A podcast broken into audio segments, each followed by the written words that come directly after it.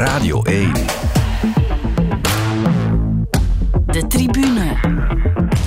Met Nicola de Brabander. Dag iedereen, welkom bij de tribune. Het komende uur blikken we terug op de sportactualiteit van de voorbije week. En vandaag gaan we het vooral hebben over voetbal en over baanwielrennen.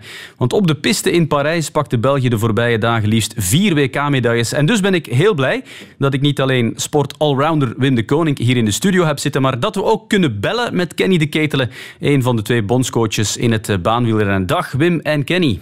Dag Nicola. Goedenavond, Nicola. Kenny, mag ik jou eerst en vooral uh, proficiat wensen? Had je vooraf getekend voor uh, vier medailles? Uh, ja, absoluut. Ehm, zeker ook de, de, de kracht die die medailles hebben, namelijk medailles in de Olympische onderdelen, zoals in de ploegkoers. dat zijn er toch die voor ons als ja, naar, naar, naar um, subsidies en zo toe extra door, doorwegen. Dus die zijn echt wel belangrijk. Ja, we voeren dit eh, gesprek telefonisch, want jij wou vanavond bij je familie zijn. Dat mogen we zelfs letterlijk nemen. Hè? Je bent in gezelschap.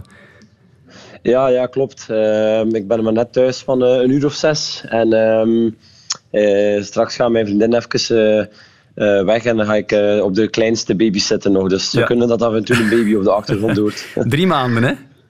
Ja, drie maanden is Oké, maar dat, dat risico nemen we. Dat, dat lukt wel. Uh, Kenny, je stem, daar vreesde je ook een beetje voor toen ik je contacteerde, want die had het bijna begeven na een intense week Parijs, zei je. Ja, klopt. Dus uh, vijf dagen competitie en na drie dagen uh, had ik eigenlijk al zo goed als geen stem meer. Dus heb ik toch nog iedere, iedere wedstrijd voor alles volledig geforceerd om toch maar hoorbaar te zijn eh, voor de renners op de baan. En uh, ja, nu, nu is het echt helemaal om zeep. Maar het valt precies nog mee voor het moment. Ja, ik heb een glazen water bij mij staan. Het is vrij oké. Het klinkt een beetje zwaarder misschien uh, dan normaal. Maar het was natuurlijk een heel drukke periode voor jou, hè? Ook, ook ja, vooraf een heel drukke periode. Ja, ja, ja de, dat is natuurlijk niet... één week voorbereiding en dan WK. Dus er is heel veel tijd en energie gespendeerd. En kijk, ik ben echt heel blij dat het zo mogen aflopen is. Maar ben ook echt wel heel blij dat het, uh, dat even gepasseerd is. Ja, dat je wat rust hebt. Zometeen praten we erover verder. Wim, jij hebt uh, wellicht veel voetbal gekeken, vooral gisteren. Heb je gekozen voor Liverpool City, Real Barcelona of Anderlecht Club? Want dat overlapt een beetje. Ja, het was heel moeilijk kiezen. Hè. Uh, maar ik kijk altijd naar twee schermen tegelijk, soms naar een derde. Dan, maar dan is het op mijn telefoon, dat is wel heel klein. Maar ik heb ook wel een beetje het baanwielrennen willen volgen. Hè, want ik vond het wel ongelooflijk spannend en, en ik heb meegeleefd ook met Kenny natuurlijk. Ehm, en ja, het was met, uh, met resultaten. Ik heb ook vrijdag en zaterdag af en toe wel eens gekeken naar Ik had het niet anders verwacht van jou. Ja. Nee, voilà. En uh, ja, het is geweldig ook om naar uh, Renaat Schotten te luisteren en zijn commentaar. Dat gaan we daar. straks doen. Ja, ah, dat gaan we ja. doen. Oké, okay, super. Um, en ja, wie is het? Tuur Dens en, en af en toe ook eens Jules Hesters, die ook commentaar geven. En die toch wel ja, iets extra toevoegen ja, zeer interessant. Die fragmenten die horen we zo meteen, maar we beginnen met jouw moment van de week. Dat komt niet uit het Belgische voetbal, maar wel uit Nederland. Ik heb van de week ook wel weer een heel raar artikel gelezen. Uh, dat wij uh, hem geen uh, speel, dat hij eigenlijk op de bank zit weg te rotten. Dan denk ik echt, ja, je hebt totaal geen verstand van de zaak. Want Brian heeft van de laatste tien wedstrijden in de competitie er zes in de basis gestaan. Hij heeft bijna alle wedstrijden ingevallen. Hij heeft in de Champions League alles ingevallen. Het hoort niet als je, uh, vind ik, als je journalist bent, dan moet je feiten hebben. En de feiten zijn gewoon niet juist. En dat hij een paar keer op de bank zit, ja, dat wist hij ook van tevoren. Heb ik hem van tevoren uitgelegd wat zijn rol gaat worden. En ik bepaal wie er speelt en niemand anders. En als mensen denken dat spelers bepalen, is hun probleem. Ik bepaal, want de mensen kennen wij helemaal niet. Je, je bent echt geïrriteerd erover. Natuurlijk, het is een totaalplaatje.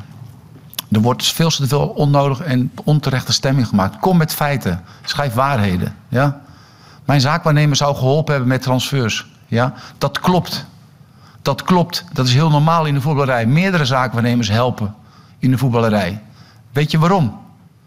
Overmars is weg. Voor alle mensen in de club was het nieuw, de positie. Voor alle mensen was het nieuw. Ja? Dus het is normaal dat er geholpen wordt. Het is hartstikke normaal dat dit gebeurt. Maar ik ben er klaar mee. Ik hou me op niet meer. Als mensen denken dat ik een softie ben, is het oké. Okay. Hebben ze nooit bij mij in de kleedkamer gezeten. Nooit. Iemand anders nog? Ja, ik had nog een, uh, nog een vraagje over. Je, je, je verwacht de Taylor vrij snel terug. Ja, even ja. een ander onderwerp hoor. Maar, nee, dat is goed. Uh, ik kan uh, ook schakelen. Sorry? Ik kan ook weer een heel zachte man worden. ja. Ja, we hoorden Alfred Schreuder, coach van Ajax, persconferentie na de wedstrijd van dit weekend. Wim, we kenden Alfred Schreuder als een zeer rustige, minzame man. Dat uh, hoorden we hier niet, dat was anders.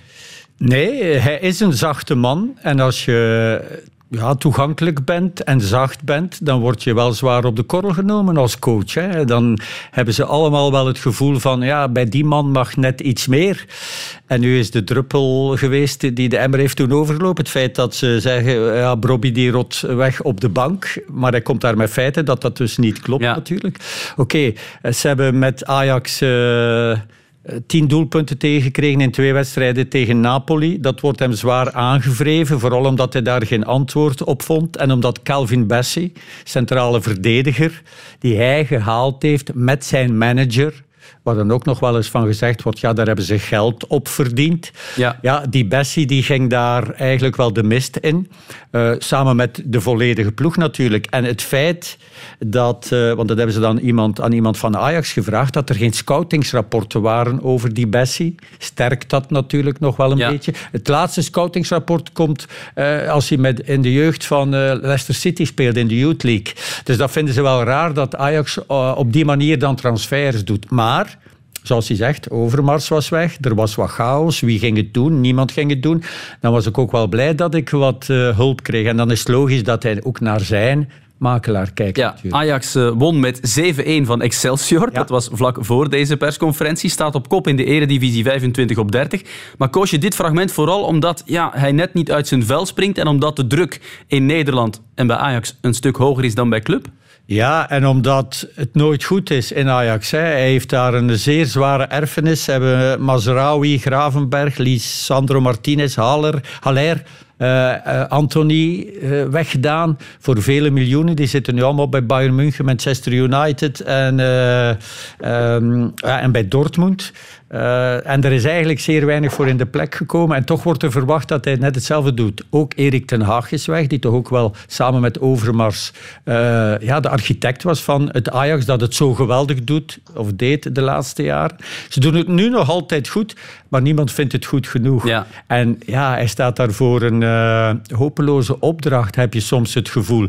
En dat hij dan toch eens reageert, ja, dat vind ik geweldig. Maar de druk die er op de coaches ligt de dag van vandaag, is eigenlijk zo enorm dat je, dat je als het ware ja, um, compassie gaat ja, krijgen. We hebben een coach aan de lijn natuurlijk ook, hè, met, uh, met Kenny de Ketelen. Ja. Kenny, in het baanwielrennen, in het wielrennen, in het algemeen, valt dat, valt dat beter mee dan in het voetbal? Wat denk je?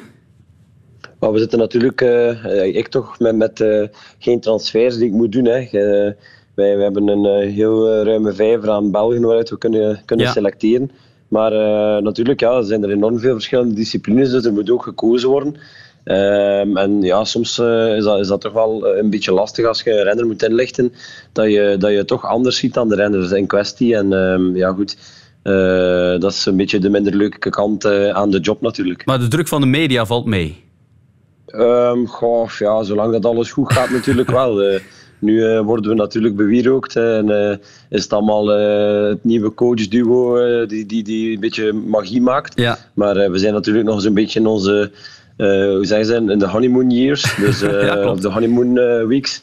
Dus uh, ja, alles, alles gaat ook een beetje uh, stabiliteit krijgen. En uh, het is dan aan ons ja. om, om, om te, blijven, te blijven leveren natuurlijk. En heb je dan stress, Kenny, omdat de verwachtingen naar Olympische Spelen Parijs 2024 zeer hoog gaan zijn? Dat er gouden medailles verwacht worden? Of, of valt dat wel mee? Nee, ja, uiteraard ben ik daar in, mijn, in, in, mijn achterhoofd mee bezig. Maar ja, het is vooral belangrijk om gewoon hier en nu alles juist te doen. De, de, de plannen zijn er sowieso al. Uh, de grote lijnen is alles uitgetekend. We weten op welke manier dat we richting Parijs gaan, gaan uh, toewerken. Maar uh, ja, hoe dat alles uh, zijn ook afhankelijk van ja, mogelijke blessures. Mm -hmm. de, de, de koersen ook allemaal op de weg. Dus er kan zoveel ook misgaan dat je eigenlijk geen rekening mee kunt houden. Dus als er dingen zijn die, die, mij, die mij toch wel wat stress leveren, dan is het vooral Um, het, het, het, onwetende of, of, of je renners 100% fit gaan, uh, gaan zijn richting, ja. uh, richting de doelen. Hè. Maar de voorbije dagen uh, ging alles goed, waren er veel lofbetuigingen en zo, Kenny, belanden we ook automatisch bij jouw moment. De Françaises in de achtervolging. Is dat voor de tweede plaats? Ai, ai, ai, ai, ai, ai. Gaan we de wereldtitel hier in extremis verliezen? België moet scoren. Nederland zou ons nog kunnen redden. Ja, Nederland moet voorbij België om die wereldtitel voor de Belgen te redden. En dat zou kunnen gebeuren. Het lot van de Belgen ligt in handen van de Nederlandse vrouw daar. Ai, ai, ai. In de laatste sprint verliest België de wereldtitel. Lotte, Lotte pakt een punt. we gaan twee punten pakken. Twee Lotte. punten pakken. Dan zijn we gered. Ja, inderdaad. Ja, we gaan het doen. We gaan het doen. Ja, het Gaat gaat, gebeuren. gebeuren. De tweede wereldtitel voor België zit eraan te komen. De Fransen denken dat ze wereldkampioen worden. Maar het goud is voor België, voor Kopecky en Bossuit. Het is niet te geloven. De tweede wereldtitel voor de Belgen na Hongkong 2017. Zo mooi. Wat een apotheose. Wacht, wacht, wacht. Frankrijk die eindsprint gewonnen. Nee, Denemarken moet de 10 punten krijgen. Dat is niet juist, denk ik. Ah, Denemarken reed daar niet meer voor. Ai, ai, ai. Hebben we dat dan zo gemist? Kenny, ik zie Kenny direct bij de commissarissen Oké. Denemarken reed ervoor. Het is een vergissing. Dit wordt rechtgezet, beste kijkers. Dit gaat rechtgezet worden. Ja, het is rechtgezet. Het is rechtgezet. Voilà, België, 32 punten. Oef. La Belgique. Ja, oef, een gouden medaille voor Lotte Kopecky en Shari Bossait in de ploegkoers. Maar Kenny, verwarrend was het wel. Hè? De speaker zei eerst Frankrijk, wereldkampioen. Maar jij had meteen begrepen dat het wel goud was voor België. Ja, absoluut. Eh, het verschil tussen de twee voor de laatste sprint was vijf punten. Dus ehm, moesten we proberen om zo dicht mogelijk bij de Fransen te eindigen. Ehm, zij mochten, als zij de eindsprint wonnen, moesten wij minstens eh, eh, tweede worden. En ehm, de Denen die hadden eh, meer dan een half ronde voorsprong. En vond, is een systeem dat automatisch de punten eh, snel optelt, zodat Ja. alles heel rap gebeurt voor de televisiekijkers. En dat werkt met transponders. En volgens mij is dat op een of andere manier in de mist gegaan. Ja. Dat de, de transponders van de Denen niet werden geregistreerd. Maar ik had het wel direct gezien. Ik, ik, ik stond, bij de bel stond ik al te vieren met Tim Carswell. Eh tot als ineens op scoreboy. Ik heb ja, natuurlijk stresste wel even van, oh nee, wat is dit hier? Ja, maar jij hebt het gezegd aan Shari en Lotte, hè? Uiteindelijk. Ja, ja, ja, ja, ik was 100% zeker van mijn zaak dat, eh, dat het voor ons was. Ja, we, we hoorden het bevlogen eh, commentaar voor het eerst vandaag van Renate Schotten. Maar we zagen op tv ook wel de uitzinnige vreugde, Kenny, achteraf. Die knuffel op de piste met jullie drie. Dat was een heel intens moment, hè? Ja, het was ongelooflijk. Zelf nu alleen maar met het horen van de stem van Renaat kreeg ik alweer kippenvel. Ehm we hadden de, eh, hoe dan ook alles eh, de wereldtitel gepakt in de afvalling met Lotte, maar dit was toch nog... het was zo spannend en, en eh, uiteindelijk... ehm, alles dat eraan vooraf gegaan is. ehm, ik, ik ben eigenlijk heel fier dat ik kan zeggen dat alles wat gebeurd is op de baan is 100% gepland geweest. Ehm, we hadden echt afgesproken om te wachten en om lang te durven wachten. Ik heb eh, heel veel uitslagen bekeken. Er zijn vijf WK's geweest, ploegkoers, in de geschiedenis bij de vrouwen. Dat is maar een jonge discipline. En ik wist dat als we een ronde nemen en een tussensprint pakken daarbij met 25 punten, dat we sowieso minimum brons zouden hebben. Volgens de statistieken. Dus eh, dat was eigenlijk het opzet. Maar omdat er, eh, het was echt een heel sterk deelnemersveld, waardoor dat de punten veel meer gespreid lagen. Dus had ik aan Lotte en Chari gezegd dat ze echt wel kunnen wachten totdat er een land 25 punten zou hebben. Want dat maakt dat we dan, als we dan onze move zetten, dat we nog altijd meedoen voor de wereldtitel. En uiteindelijk, ja, onderweg pakken we twee sprints mee, waardoor dat we op 30 staan. En dan eh, was ja, in de laatste sprint nog eh, alles eruit persen om die twee puntjes. dus ja, het was echt zo... Het enige dat eh, in, mijn, in mijn hoofd altijd eh, kwam was van Hannibal, eh, van de E-team. I love it when a plan comes together. En dat lukt natuurlijk niet altijd. Maar Nee, en was dat ook echt. zo, Kenny, was dat ook zo bij de mannen? Want ik zat te kijken gisteravond en ik dacht, ze wachten nu toch wel echt lang alvorens mee te Ja. doen bij die eerste Ja, sprinten, hè? nee, met, nee, met, absoluut met Fabio en Lindsay. Hè? Ja, klopt. Nee, bij de mannen hadden we eigenlijk echt wel de bedoeling om mee te doen in de sprints. Maar ehm, ja, we kwamen toch wel wat, wat, eh, wat sprintsnelheid tekort. En ehm, het ging er echt keihard aan toe. Maar dan op het einde ja, kreeg de wedstrijd gewoon een heel andere, eh, werd in een heel andere plooi gelegd door de, door de ene na de andere aanval. En ehm, ja, ik was al na het 50 ronden ook aan het roepen dat we gingen moeten rondrijden omdat het ja, niet lukte in de sprints. Maar op het einde, ja, wat, wat, wat ze dan nog allemaal uit hun mouw hebben Ja. geschud, Ja. dat was echt... En eh, doen ze dat dan op eigen initiatief of, eh, of wordt dat ook van de Ja, zijkant ja. aangegeven? Ja, het ding is, de jongens die hebben echt wel al heel veel ervaring in de ploegkoers. Die hebben al veel zesdaagses gereden. Die weten ook hoe dat het eraan toe gaat. En het is veel moeilijker eh, voorspellen. ja, voorspellen is misschien een slecht woord, maar het gaat over 200 ronden en er zijn 20 sprints. Dus dat wil Ja. zeggen dat je met één winstronde ook gewoon niet genoeg hebt eh, om, om de wedstrijd te kunnen Ja, winnen. er, gaat, er gaat ook Ehm, veel rekenwerk mee gepaard, hè? Ja, inderdaad. En het is ja, gewoon op het moment zelf een beetje proberen bijsturen uh, waar dat je kunt. Uh, maar, maar er wordt natuurlijk ook... Het zijn nog altijd de renners die beslissen. Hè. Kenny, uh, het was voor Shari eigenlijk de eerste test hè, als nieuw duo met Lotte Kopecky. Ehm, met inderdaad een heel sterk bezette ploegkoers. Ben je nu eigenlijk verrast door dat resultaat? Hebben ze jou positief verrast? Maar ik wist dat het mogelijk was, want uh, ja, anders uh, begin je er natuurlijk ook ja. niet aan. Maar um, ja, kijk, zoals ik zeg, je kunt wel plannen, maar dat alles ja, gewoon perfect verliep. Gelijk dat ik dacht dat het ging verlopen en dat het. Uh, dat die, de een, we hebben maar één moment geprikt. op het moment dat Lotte keek, riep ik nu! En ze ging gewoon vol aan. En, en ja, het, het was gewoon. Het, het, liep gewoon allemaal perfect. Um, Nochtans was de voorbereiding ja. voor Shari, uh, 22 ja, trouwens, niet perfect. Hè? Ja. Hersenschudding onder nee, andere. Nee, nee, nee. Nee, ze zat uh, in de CIMAC Tour, dat is uh, de Ronde van Nederland. Daar heeft ze een zware val gemaakt. Ja. Ze heeft heel lang last gehad van hoofdpijn, maar ook van oorsuizen. En twee weken voor het WK hebben we nog een driedaagse wedstrijd gedaan in Zwitserland. En daar was ze eigenlijk helemaal niet, niet in, haar eigen, in, haar, in haar normale doen. Ja. En um, dan had ik wel echt al door dat het moeilijk ging worden.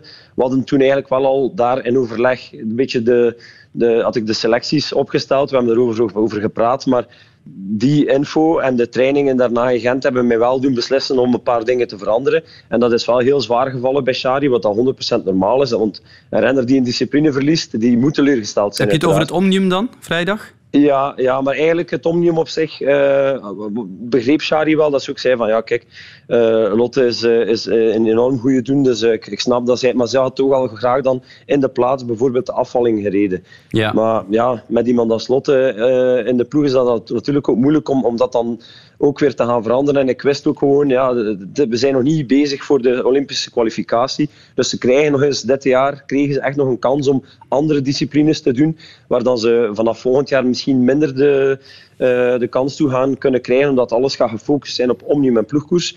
En uh, kijk, ja, ik, uiteindelijk heb ik gelijk gekregen van Lotte pakt die wereldtitel, maar dat was daarom niet, niet minder makkelijk voor Shari. En de, de manier dat ze dan uiteindelijk wel gereageerd heeft met Ja. de benen, uh, is fantastisch. Hè. Uh, dus ja, het, is, uh, het, is echt, het was de max. Ja, België droomt nu natuurlijk van uh, Olympisch uh, goud op de Spelen inderdaad van Parijs 2024. Maar Kopecky en Dore in 2017 werden ook wereldkampioen en die werden pas tiende op de Spelen. Dus wat je al zei, een garantie is het niet, hè? Nee, absoluut niet. Absoluut niet. Het is echt het, het is een heel moeilijke discipline. De ploegkoers en het omnium ook trouwens. Uh, er kan gewoon zoveel gebeuren. En, uh, maar goed, kijk, we zijn uh, alleszins is dit een enorme boost voor het vertrouwen. We weten wat, dat we, wat, wat, we kunnen. We weten dat we kunnen winnen. Want ja, we zijn nu op dit moment het beste ploegkoerskoppel ter, ter, wereld. Ja. Maar um, ja, kijk, we hebben wel sowieso dingen gezien deze week waar we kunnen aan werken. En um, we hebben nog twee jaar tijd. Ik probeer ook heel veel uh, video, video-analyses te doen, alles te bekijken. Ik probeer de tegenstander te, te monsteren en zo. En daar hebben we nu al heel veel tijd voor om, om, om alles nog te fine-tunen. De tribune. Ja, laten we nog wat dieper ingaan op dat WK baanwielrennen. Want zoals gezegd, niet alleen Kopecky en Bosuit waren aan het feest. In totaal waren er vier Belgische medailles. Twee keer goud en twee keer brons. Wordt Lotte Kopecky na Europees kampioen ook wereldkampioen in de afvalling? Karel Bertelen. Zilver of goud voor Lotte Kopecky op de afvalling. Opnieuw tegen een Italiaanse. Deze keer tegen Raffaele Barbieri of Lotte Kopecky. We gaan naar de bel, de laatste ronde. Ze gaat erover, ze gaat naar goud. Oh, ze laat ze ter plaatse, die Barbieri. Ze heeft al een gaatje van 4, 5 meter. Die Italiaanse kan niet mee. Lotte Kopecky rijdt naar goud. Het is goud, wereldkampioen.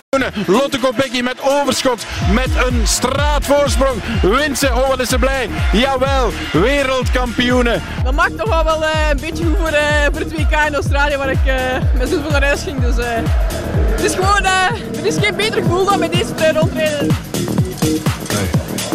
We hebben nog vier kandidaten voor twee medailles. Strong buitenom, op weg naar zilver. En dan moet, uh, ai, ai, ai, dan moet Van den Bossen oppassen. Hij zit daar wat ingestopt, maar hij komt er terug uit. Want Strong plafonneert. Hij kan Havik... Ja, nee, het is, uh, het is brons. Hij pakt brons. Van den Bossen yes. heeft brons.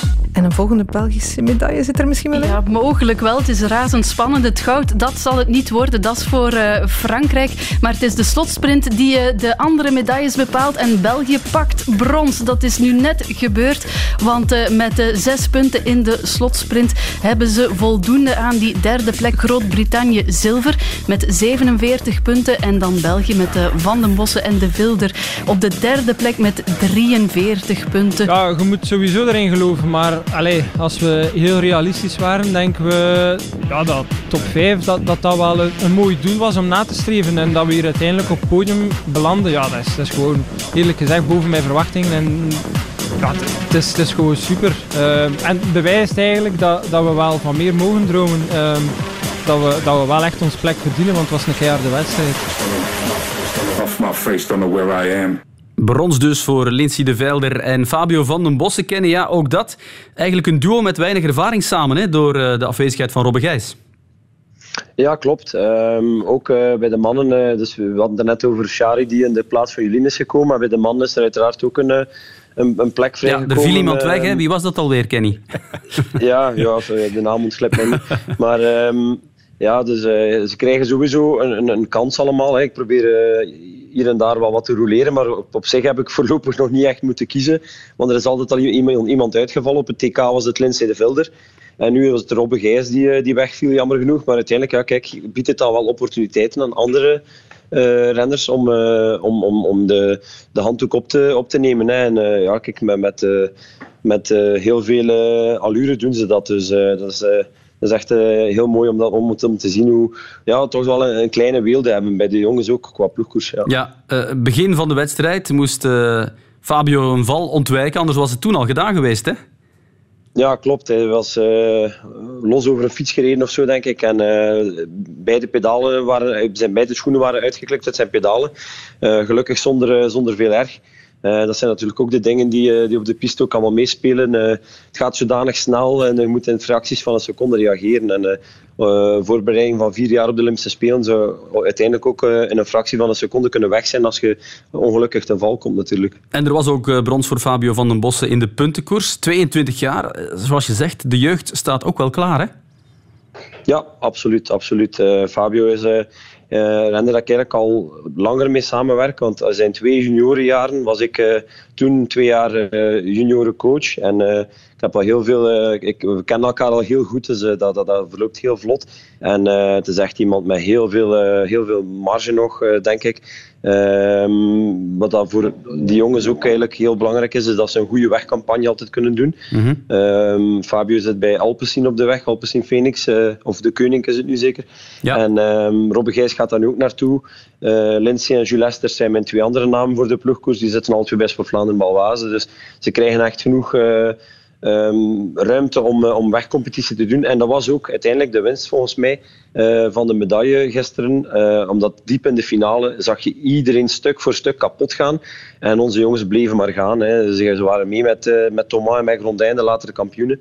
En uh, je ziet dan dat ze echt de inhoud hebben om het diep in de finale te blijven vechten. En dat heeft gisteren uiteindelijk de medaille opgeleverd. Ja, interessant. Uh, Wim, Lotte Kopecky die pakte natuurlijk twee wereldtitels. Ze won ook uh, goud op de individuele afvalling, hebben we ook al even vermeld. Wat een boerenjaar voor Lotte Kopecky. Ja, en toch geweldig dat ze zich nog kan opladen om hier ja, op de piste na de ontgoocheling van Wollongong toch, hè, waar ze eigenlijk wereldkampioen had kunnen, misschien wel moeten worden, dat ze nog zo tevreden is dat ze daar ook uh, nog die trui pakt. Hè. Het is een trui waar dat ze minder mee zal kunnen rondrijden dan met die op de weg natuurlijk. Uh, maar ja, van in Strade Bianchi stond ze er. Ronde van Vlaanderen ook een doel. Strade Bianchi, dat, ja, dat niemand verwacht dat ze daar ooit van fluiten zou kunnen kloppen, maar ze deed het wel. En op het einde van het seizoen, zoveel maanden later, is ze nog zo sterk. En ja, in, in, in de puntenkoers zag je dat iedereen op haar wiel rijdt. En ook in het Omnium. En dan is het uh, bijna niet te doen om daar ook wereldkampioen te worden. Dat is natuurlijk uh, het nadeel wat ze heeft door het feit dat ze zo sterk is, denk ja. ik. Kenny, heeft ze gisteren die gin tonic gedronken waar ze al maandenlang naar uitkeek? Eh, ja, er is wel eh, een, een gin tonicje gedronken geweest. Ja. We, hebben, eh, we hebben mooi afgesloten in een ander hotel in het noorden van Parijs. We hebben met de ganse groep nog een, een diner gedaan en daar hebben we wel een glaasje bij gedronken. Dat was wel op zijn plaats. Ja, Kenny, je bent Belgisch bondscoach op de piste, maar je doet dat niet alleen. Hè? Het is een duobaan met de Nieuw-Zeelander Tim Carswell. Hoe verloopt de samenwerking? Want Renaat Schotten die noemde jullie een koningskoppel. ja, ik heb het ook gehoord. eh. maar het voelt wel een beetje eh, zo aan. niet, niet dat ik ons een koningskoppel voel, maar we, we, we werken echt heel goed samen. Eh, Tim is eigenlijk de hoofdcoach. Ehm, dat zorgt ervoor dat hij eigenlijk vooral de eindverantwoordelijkheid heeft. Maar in, in realiteit werken we vooral naast elkaar. Eh, ik heb mijn eh, verantwoordelijkheden, dat zijn dan de pelotononderdelen. Eh, en Tim houdt zich vooral bezig met het project van de ploegachtervolging. En dan met een sprintproject dat hij ook van de, van de grond af probeert Ja. op te bouwen. En natuurlijk Nicky de Grendelen, dat is iemand die er al aanwezig was. Eh, daar, daar is hij dus ook eh, 100% eh, eh, voor verantwoordelijk. Dus op zich hebben we, hebben we elk onze, onze bezigheid, zeg maar. Maar ehm, ja, ik, ik, ik, ik laat mij heel veel adviseren door hem. Ehm, als ik keuzes maak, ga ik ook alles gaan voorleggen. Dat hoort ook een beetje zo, omdat hij, hij is uiteindelijk ook de hoofdcoach. Maar ehm, eh, op, de, op, de, op de werkvloer zie je dat eigenlijk niet echt. Het is niet dat hij hem stelt of zo. Want Goeie collega's. als er, ploeg, ja, als er ploegachtervolging gereden wordt, dat is 100% zijn ding. Maar eh, het moment van de wedstrijd sta ik daar wel met de tablet om de rondetijden eh, te tonen. Want hij vindt van, ja, kijk, hij zit de toekomst hier. Hij ziet zichzelf nog twee Olympiades meegaan en daarna is, zou het dan voor mij moeten zijn, zo gezegd. Dus vindt hij dat hij vanaf nu dat ik dat allemaal al moet doen. Dus eh, ik, eh, ken, ik ken weinig eh, coaches die hun eigen opzij zouden zetten om daar een jonge kerel in de spotlight te zetten. Dus dat is echt wel heel knap van hem. Dat is inderdaad mooi. Kenny, Renaat Schotten was onze man die het allemaal van op de eerste rij heeft beleefd de voorbije dagen. Hij zei mij, pols nu een keer hoe het zit met de versnelling waarmee de Belgen rijden op de piste. Dat intrigeert hem. Leg eens uit waarom hij die vraag stelt, Kenny.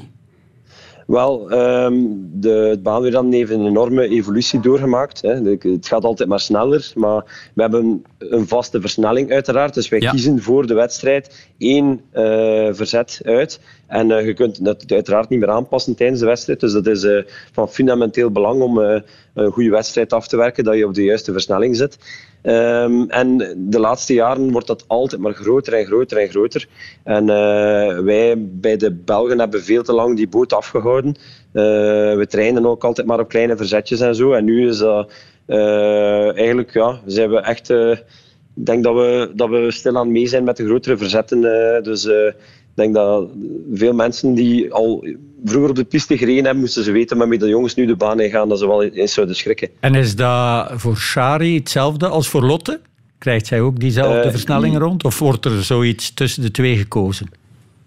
Ehm, dat is zeker mogelijk, maar gisteren, eh, eergisteren hebben ze alle twee hetzelfde verzet gereden. En het was ook een verzet dat ze eigenlijk nog nooit eh, getrapt hadden Kijk eens aan. eh, in, een, in een ploegkoers. Dus het was echt gewoon, kijk, we gaan een tandje bijsteken omdat we wisten dat we heel lang in de wielen gingen blijven.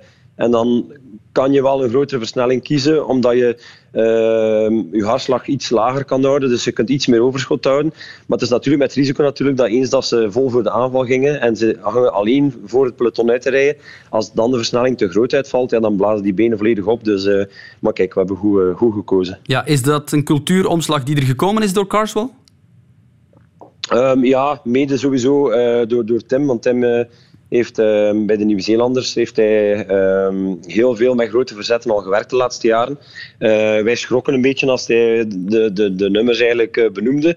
Maar ehm, ja, ik had zelf ook al de laatste jaren gevoeld ehm, dat we wat achterop hinkten van eh, versnellingen. En ehm, eh, richting de Spelen in Tokio hebben we dat ook echt moeten, moeten gaan opdrijven. En eh, nu gaan we gewoon diezelfde weg op.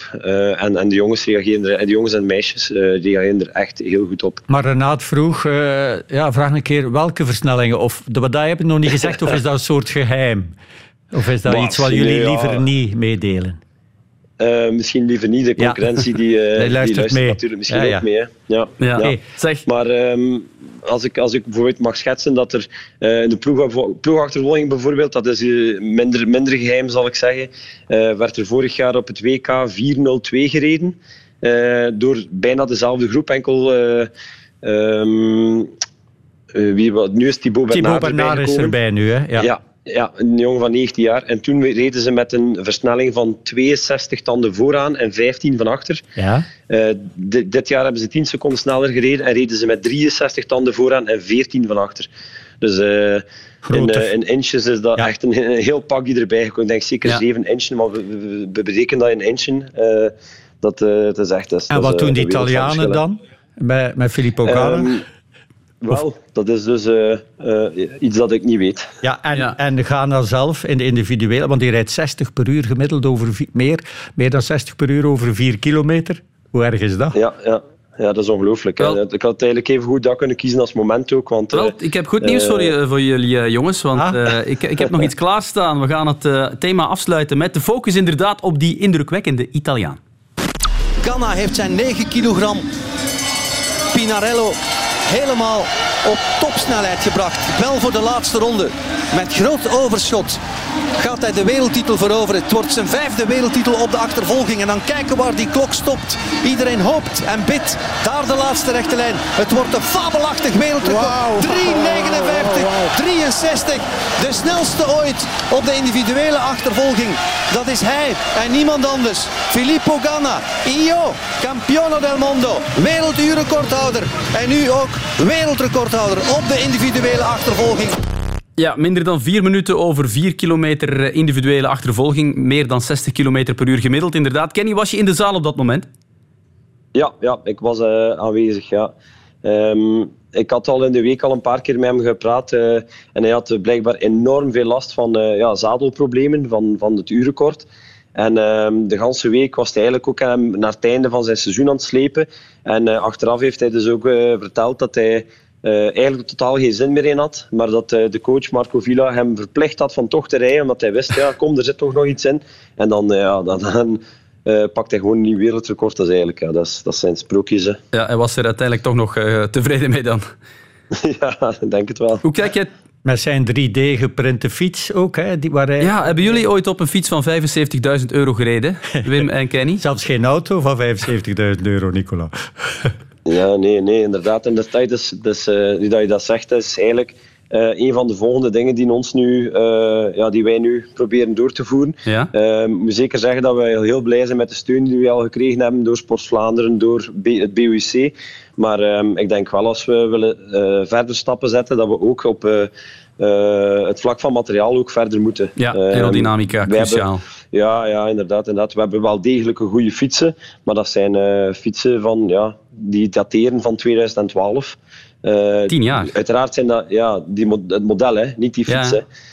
Ja, dus uh, dat is oude ja. technologie, dus het is, het, is, uh, het is het moment ook om, om mee te gaan. Oké. Okay. Kenny, um, Victor Kampenaert die zei uh, dat Van Aert en Evenepoel misschien wel uh, dat werelduurrecord, dat nu ook uh, kerstvers eigendom is van Filippo Ganna, dat, dat zij dat kunnen breken misschien wel. Hoe kijk je daarnaar? Zie je Evenepoel het ooit proberen om dat te doen?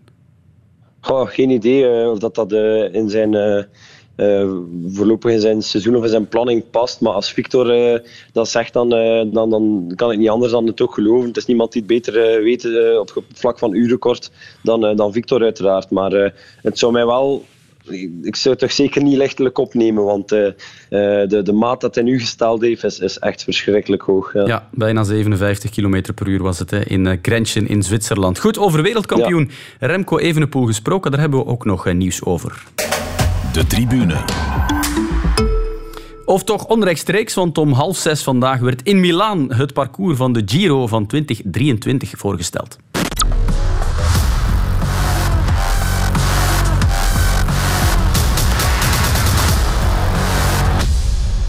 Buonasera a tutti. Buonasera. Buonasera, a tutti. Uh, teatro pieno, eh, stasera. Allora, buonasera a tutti. Bene, noi abbiamo un po' di emozione perché abbiamo una presentazione eccellente da fare, che è quella del Giro d'Italia edizione 2023. Ja, 2023 de Giro. Wim, dat wordt er één met bijzonder veel tijdritkilometers. 70,6 dacht ik in totaal. Drie tijdritten, dat is een duidelijk charme-offensief van de organisatie richting Remco Evenepoel. Waarschijnlijk wel. Hè. Ik weet het niet zo uit mijn hoofd natuurlijk, maar het zal lang geleden zijn dat er zoveel tijdritkilometers in een drie weken durende de ronde geweest zijn. Ehm, ja, er zijn zelfs mensen die zeggen dat er te weinig zijn, bijvoorbeeld in de Tour, dat dat wel meer zou mogen zijn.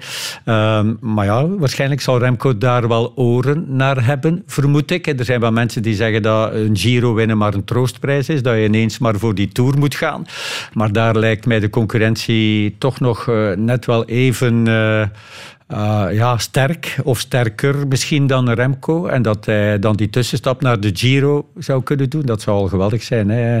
En ja, die 70 kilometer zal wel als muziek in zijn oren klinken. De openingsetappe is een tijdrit, de negende etappe en de voorlaatste rit. Dat is ook nog een klimtijdrit, dacht ik. Ehm, ja, Kenny, in welk kamp zit jij eigenlijk? Giro of Tour voor Remco Evenepoel in 2023? Heb je daar een mening over?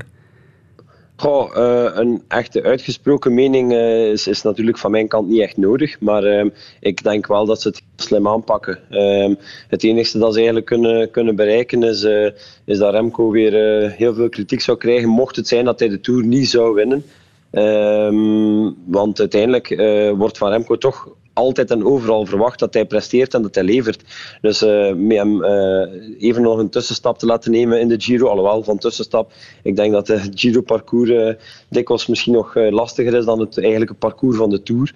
Maar eh, het is natuurlijk de, de hele gekte rond de Tour en, en, eh, misschien nog de, de, de, ja, iets hogere categorie van, eh, van deelnemers die de, die de Tour uiteindelijk zwaarder maakt. Maar ik, ik denk wel dat ze daar een goede keuze mee maken. Ja. Ja, wel, we zullen zien wat het uiteindelijk wordt en wat de beslissing is. Maar het was toch wielernieuws dat we even wilden meegeven. Kenny, ik ga jou bedanken hè, voor je, je stem het helemaal begeeft en je kunt een beetje rust pakken. Ik moet zeggen, die baby heeft zich niet laten horen.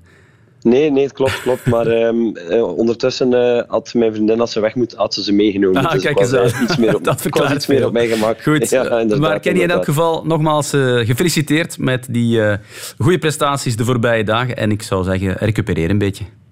Ja, dank u wel. En dat ga ik zeker doen. Bedankt dat ik eh, mijn uitleg even mocht doen. Met eh, veel plezier. Eh, jij bedankt. Eh, fijne avond nog, Kenny. Tot de Ja, volgende. dag Nicola, dag Wim. Dag Kenny, tot straks. Hè. Radio 1. De tribune. Voetbal dan, want zondag was een eh, Super Sunday in de Jupiler Pro League en dat leverde behoorlijk wat spektakel op. We gaan naar bed sterk, want ze zijn eraan begonnen. De eerste actie van Dunham op de achterlijn. De voorzet en meteen het doelpunt van Standaard. Het is 1-0 en William Balikwisha heeft Standaard op voorsprong gebracht na minder dan twee minuten voetballen. Eerste goede actie van de A wedstrijd. few moments later. En dan Raska met wat ruimte op het middenveld. Links ziet hij Dragoes, dat is een goede paas. Dragoes met ruimte, het strafschopgebied in. Wat ver van de voet, maar hij kan toch nog trappen. Dragoes 2-0, het is 2-0 na 4 minuten. Dennis Dragoes, wat een start van Droesjes tegen Antwerpen. A few minutes later. Centraal bij Antwerpen. Tjanak is daar. Het is niet waar. Het is wel waar. Het is 3-0 na 9 minuten. Het is 3-0 na 9 minuten. Wat een start van een wedstrijd. Mark van Bommel, na de 3-0 nederlaag hier in Luik. Wat is jouw analyse van de wedstrijd? Daar ben ik echt benieuwd naar. Ben je daar benieuwd naar? Dan kan ik vrij kort zijn. We zijn na negen minuten zijn we klaar. Kan je begrip opbrengen voor zo'n zwakke start? Nee, dat heb je natuurlijk niet. Dat hebben die jongens ook niet. Kijk, als trainer zijn dan kun je, kun je een paar dingen doen. Je kan heel kwaad worden. Je kan ze eh, eh, alle hoeken van de kleedkamer laten zien. Maar ik moet ze proberen te helpen. En, eh, en dan proberen die wedstrijd om te draaien. Ook al sta je 3-0 achter in de rust. Je moet je niet opgeven. Je moet nog steeds kijken van waar kunnen wij ze eh, pijn doen. En het is niet zo dat wij eh, totaal weggespeeld zijn. Kijk, ze zijn natuurlijk gevaarlijk omdat zij die tweede ballen winnen. Daardoor sprinten ze met vier, vijf mensen eruit. Maar zoals wij die, die negen minuten gespeeld hebben, Ja, a few moments later. Goede vondst van eh, collega David eh, Goeman, die de montage maakte. Wim, beginnen doen we op Sklis, hè, eh, waar dus Antwerp als leider verloor met eh, 3-0. En ja, we moeten ook wel het over standaard hebben natuurlijk, want Ronnie Deila, mogen we zeggen, heeft een coma-patiënt gereanimeerd met Ja, Standaard. zeker. Ja, zeker. Eh, in het begin van het seizoen waren ook de commentaren bij live-wedstrijden van Standaard ook nog altijd negatief. Ik herinner mij over Dragoes, die, die het alleen maar op zichzelf probeerde. Eh, Amalla en Raskin, die alleen maar bezig waren met nog een transfer te versieren. Hij ging het heel erg moeilijk krijgen. Eh maar Dela ja, is een goede people manager en heeft weer leven geblazen in dit Standaard. En ook ja, het publiek gaat er dan helemaal achter. Hè. Die hebben jaren op hun honger eh, gezeten. Eh, en nu opeens ja, lijkt het weer alsof eh, ja, de oude tijden herleven. Hè. Zeker tegen die, die topploegen thuis. Als ze het spel niet moeten maken, want als ze zelf het spel moeten maken, zoals tegen Serijn bijvoorbeeld, dan, dan verliezen ze heel erg. Ja, het was de enige En 0-2. nederlaag Ja. van de laatste zeven matchen. Zes daarvan gewonnen. Oh, ja. Ze staan vijfde met 22 punten. Eh, maar bon, Maar ze waren slecht begonnen. Hè? Dus, eh, geef hem wat tijd en eh, hij maakt er wel iets van. Hè? Dat is wel een ervaren coach. Iemand eh, die ook wel zeer goed is in zijn communicatie, dat voel je wel. Die er ook altijd staat, ook als het minder goed is. En, en het dan ook wel durft te benoemen. En zonder Amala bijvoorbeeld, die het nu ook wel een beetje uithangt weer. Ja, ja ze pakken de... En, en hij, zet ook, hij doet ook wel goede zetten. Simirot achterin, Bocadi centraal achterin. Vorige jaren was het al, wat gaan we die nu zetten? Het was altijd anders. Een vast systeem met drie achterin ook. Eh, ja, en Dragus en De- Dunham bijvoorbeeld, die vorig jaar heel erg matig waren, ja, die worden opeens heel erg gevaarlijk. En moet ook zeggen, Raskin ontpopt zich daar centraal eindelijk tot eh, de man die hij kan zijn. Antwerp verloor. Wat scheelt er? Tweede nederlaag in drie matchen. Wat is er aan de hand? Eh, ik hoop voor hen dat toeval is. Ehm, ja, misschien ook wel het gevoel van ja, we zijn zodanig goed bezig en we, we, redden het altijd wel. En ja, eh, wat was het? 30 op 33. Dat is geweldig. Hè? Eh, nieuwe records breken. En natuurlijk, de moeilijke wedstrijden kwamen eraan. Ik had ook eerlijk gezegd niet verwacht dat ze zouden verliezen op standaard. Zelfs niet in, de goede periode van standaard nu. Maar goed, na negen matchen was het inderdaad over en out.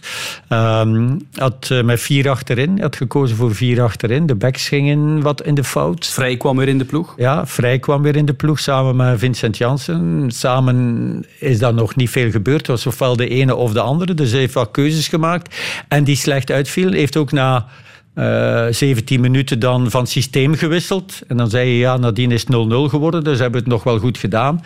Eh, was het systeem dan verkeerd? Nee, het was ook gewoon eh, de verdienste van Standaard dat, eh, dat mooie doelpunten maakte en gaan dan verdedigers in de fout. Ja, dat klopt. Maar de, de kwaliteit van de doelpunten waren toch wel echt wel heel erg sterk. En zo staat Racing Genk, Wim, op kop met 31 op 36. In de luwte eigenlijk, omdat Antwerp zo lang het maximum had. Maar het is wel straf van Ja, Franke. Zeer straf. Franken bewijst van ongelooflijk goede coach te zijn. Kijk maar naar KV Mechelen, hè, waar hij weggaat en, en waar er toch wel iets ontbreekt. Oké, er zijn ook wel wat goede spelers vertrokken, maar hij bracht daar het soort voetbal wat hij met Genk ook nu brengt. En eh, jongens die eh, vorig seizoen als slechte aankopen werden aanzien, ja, die, die zijn weer helemaal eh, opgewaardeerd. Zelfs Preciado, ik zeg maar iets, op rechtsbuiten opeens gaan zetten, omdat er daar anders niemand is. Er zijn ook wel wat goede spelers vertrokken, vergeet dat niet, in Genk. Het heeft lang geduurd voor uh, weer zijn eh, niveau haalt. Het is duidelijk, centraal achterin. Wat dat er, er is heel veel duidelijkheid bij Franken. En ehm, ja, de jager en het konijn. Hè. De jager zit in de luwte. En dat hebben ze heel tijd kunnen doen, want er was eigenlijk niet veel te doen. Weinig Genk, hè. aandacht. Zeer weinig aandacht. Maar opeens staan ze daar aan de leiding. En eh, ja, ze gaan, dat voel je wel, ze gaan meedoen tot het einde. Dat is duidelijk, ja. Dan gaan we naar de nummer 3 in de klassering, landskampioen Club Brugge. Won de klassieker bij Anderlecht met 0-1 dankzij een magische Mignolet. Beide teams gaan voor de overwinning. Dus vandaar dat het een prima wedstrijd is. Odoi tussen de lijnen. Soa draait zich vrij. Daar is Van Aken. Gaat hij weer scoren. Maakt zich vrij. Achteruit. En dit is hem. Dit is hem. Het is 0-1. Het is Nielsen die scoort. Heerlijke aanval van Club Brugge. Hier is de corner. Oh, Mignolet. Fantastische redding van Hoed. Op de koppel van Wesley Hoed. Voorzet. Oh, weer al Mignolet. Weer Mignolet. Want die bal gaat rechtstreeks naar het doel. U kent dat de doelman die het stapje vooruit zet, maar dan moet terugkeren. Hier is Verscharen, de zoveelste aanval van de thuisploeg. De Bast staat met de handen open. Het is de voorzet. Silva moet het doen. En daar is. Nee, nee, nee, niet binnen. Niet binnen. Wat denkt u? Het is Simon Mignolet die twee keer redding brengt. Het is, ik heb hem eh, woensdag al heilig verklaard. Bestaat er iets eh, hoger? Dit is ongezien eigenlijk. De manier waarop dat Mignolet daar wordt gefusilleerd en toch nog rechtop blijft. En dan zeggen dat de verdediging van Brugge is goed. Nee, Mignolet is vooral goed. De rest van de verdediging is maar gewoon. Wat een week voor Simon Mignolet in Madrid en in het eh, Lotto Park. Wim, er wordt gezegd, hij is momenteel wereldklasse bij de beste tien keepers van de planeet. Jij bent een ex-doelman, dus zeg het maar. Klopt dat? Ja, ja dat klopt zeker. Hè. ja, ehm, heel erg bescheiden moet ik eerlijk zeggen. Uh, het feit dat Karius ooit een Champions League finale speelde en hij op de bank zat, is als we dat nu zien en ook hoe Karius ontwikkeld is en hoe hij in die finale speelde tegen Real Madrid, is eigenlijk God geklaagd en is de grootste fout die Klopp ooit gemaakt heeft. Maar hij is daar altijd um, ja, op de oppervlakte gebleven, heeft, heeft daar nooit misbaar over gemaakt, terwijl dat, dat wel erg zal gestoken hebben. Maar hij krijgt nu wel uh, zijn revanche, terwijl hij dat niet op die manier manier uitspreekt natuurlijk, maar het is uh, na een moeilijk seizoen, vorig seizoen, hè, waar hij in play-off 1 opeens weer helemaal aan de oppervlakte kwam, maar ook door een blessure aan de knie, die hij ook nooit als een excuus heeft gebruikt, dachten wij allemaal van, mm, hij gaat een beetje achteruit, hij komt nog wat moeilijker van de grond, het is wat minder soepel, maar het lijkt uh, opeens een hele jonge springer. Het lijkt weer de man, uh, fysiek helemaal... Ja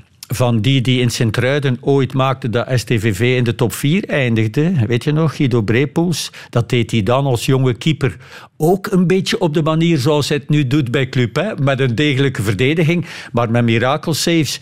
En bij Sint-Truiden viel dat niet zo erg op, maar nu begint dat wel erg op te vallen. En als je dan... Uh, ja, op deze manier uh, aan het keepen bent. Ja, dat niveau kan hij niet meer aanhouden, zeg ik dan wel. Maar, maar misschien wel. En als hij dat uh, gaat blijven doen op deze manier, ja, dan moet club niet altijd goed spelen ja. om, om te winnen. Want gisteren was het niet goed. Hè? Nee, Anderlecht had uh, minstens een gelijkspel verdiend. Ja. Felice Mazou liep er ja, na afloop dus ongelukkig bij, want 7 op 24 voor Anderlecht. Maar over ongelukkige trainers gesproken, Wim, er was er nog eentje ongelukkig gisteren, ondanks een overwinning. Hein van Azenbroek, die reageerde gepikeerd op de pittige uitspraak van Gent-voorzitter Ivan de Witte afgelopen vrijdag. En we moeten, uh, we moeten absoluut uh, ja, verandering zien. Uh, daar, spreek, daar, spreek, ik duidelijk niet over verandering van coach. Maar er moet een verandering komen in, in gans ons concept. Want dit kunnen we echt niet langer tolereren. Concreet, wat moet er gebeuren? Wel, ik, ik, moet dat ook een stukje aan de, aan de, aan de coach overlaten.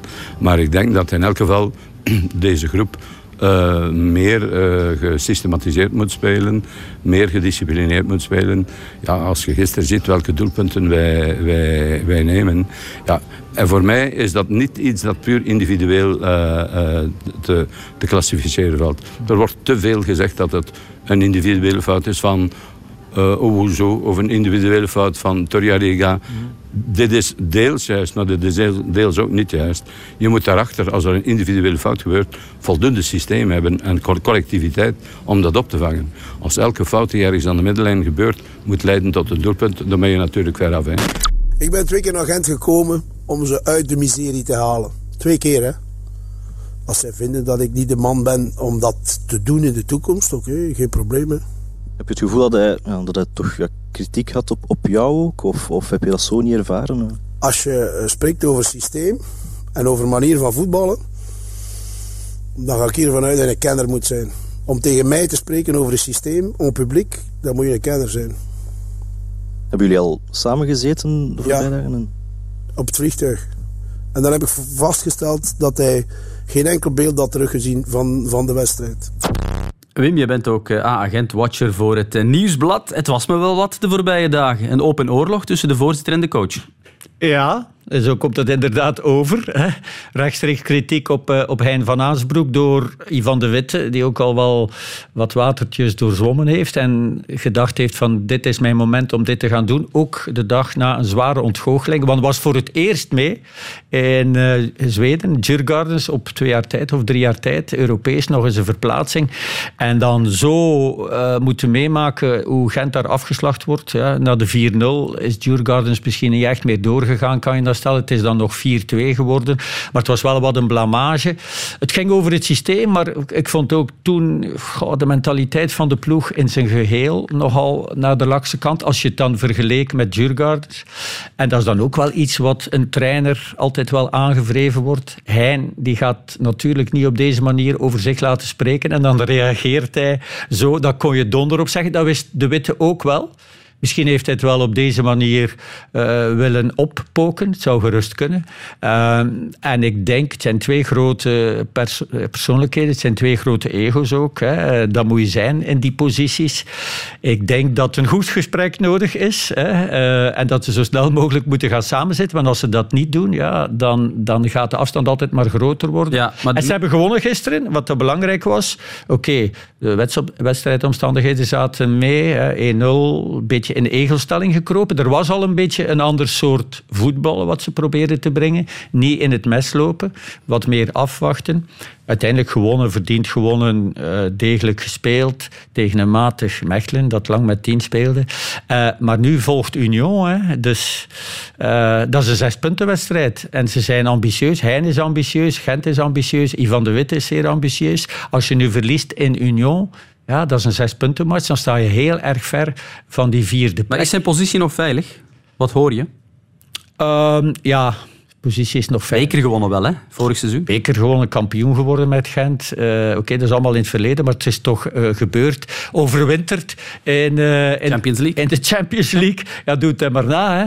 En nadien zijn er veel mensen gekomen. Oké, van Torp werd gezegd van, dat is geen goede trainer, maar er werd wel heel mooi voetbal gespeeld. Vorig jaar werd er ook met momenten heel erg mooi voetbal gespeeld. Voorlopig lukt dat niet. Tissoudali, ja, die missen ze wel natuurlijk. De Saar is nu terug. En Ja. de spelers gaan ook wel geprikkeld zijn. Hein zal geprikkeld zijn. En misschien heeft eh, De Witte op die manier ja, wel, wel iets bijgebracht aan, ja. ja, aan, aan extra, hoe zou ik het zeggen, ja, extra motivatie. Ja, Wim, eh, die 3-0 nederlaag voor KV Mechelen betekende wel het einde voor Danny Buis. Voetbal eerste klasser KV Mechelen heeft zijn coach Danny Buis ontslagen. De Nederlander was er amper drie en een halve maand aan de slag. Mechelen verloor zijn laatste drie wedstrijden en staat pas dertiende in de stand. Assistent Steven de Voer neemt nu over. Steven de Voer, 34 jaar, nog niet al te lang assistent. Hij is de opvolger, Wim. Vind je dat een goede keuze? Eh, de jonge Belgen doen het goed. Dat zal ook... eh, ja, kijk maar, Karel Heraerts, hè, eh, de, de Roek. ja, ze waren mannen Hebben die twee wel meer ervaring? Ja, zeker. Meer ervaring. De Voer heeft veel ervaring met coaches die hij meegemaakt heeft. Hij is kampioen geworden. Hij heeft in Porto, heeft in het buitenland, in de nationale ploeg. Dus zal waarschijnlijk wel heel erg veel opgestoken hebben van topcoaches op, op, in topvoetbal. Alleen dat overbrengen naar je ploegen, dat is nog iets anders. En zeker naar, naar een zieltogende ploeg, want zo mag je ze wel noemen. Slechte verdediging, geen scorende spits. Geen scorende spits, Kuipers weg, Mrapt er nog niet, Engval uitgeleend. Ehm, eh, de spitsen die ze gehaald hebben, een Goy en Malede, die aangeven van wij zijn eigenlijk geen spitsen. Dat is een beetje een verkeerde keuze geweest. Wij spelen liever op de kant. Ze hebben niemand diep. En Storm, Nicolas Storm, die vorig jaar outstanding was, blijkbaar privéproblemen, eh, waardoor hij minder eh, aan, aan bod komt. Nu nog eens Tom Kaluwe weg. Tom Kaluwe weg, heel erg belangrijk. Naar Club Brugge. Naar Club Brugge. Maar goed, ook eh, het invullen van Kuipers is niet echt op een degelijke manier gebeurd, achteraf bekeken. Het kan misschien nog allemaal keren, maar zware opdracht hè, voor, eh, voor Steven. Eerste wedstrijd tegen Standaard. Ja. Pittig meteen eh, en Ja, verleden natuurlijk daar. Ja, voilà. Heel erg speciaal voor hem. Eh, was al een keer langs de lijn hoofdcoach in Brugge, omdat Buis dan in de tribune zat. Eh, en deed dat met veel flair en, en, en, en met veel goesting, zag je ook wel. En het feit dat hij nu aangeeft van ja, ik wil echt wel als hoofdcoach ineens door, was ook wel zichtbaar, zag je wel. Hè. Ambitieus is hij wel. En, en dat zag je ook aan zijn lichaamstaal op de bank naast Buis, die dat ook wel kon tolereren, had je het gevoel.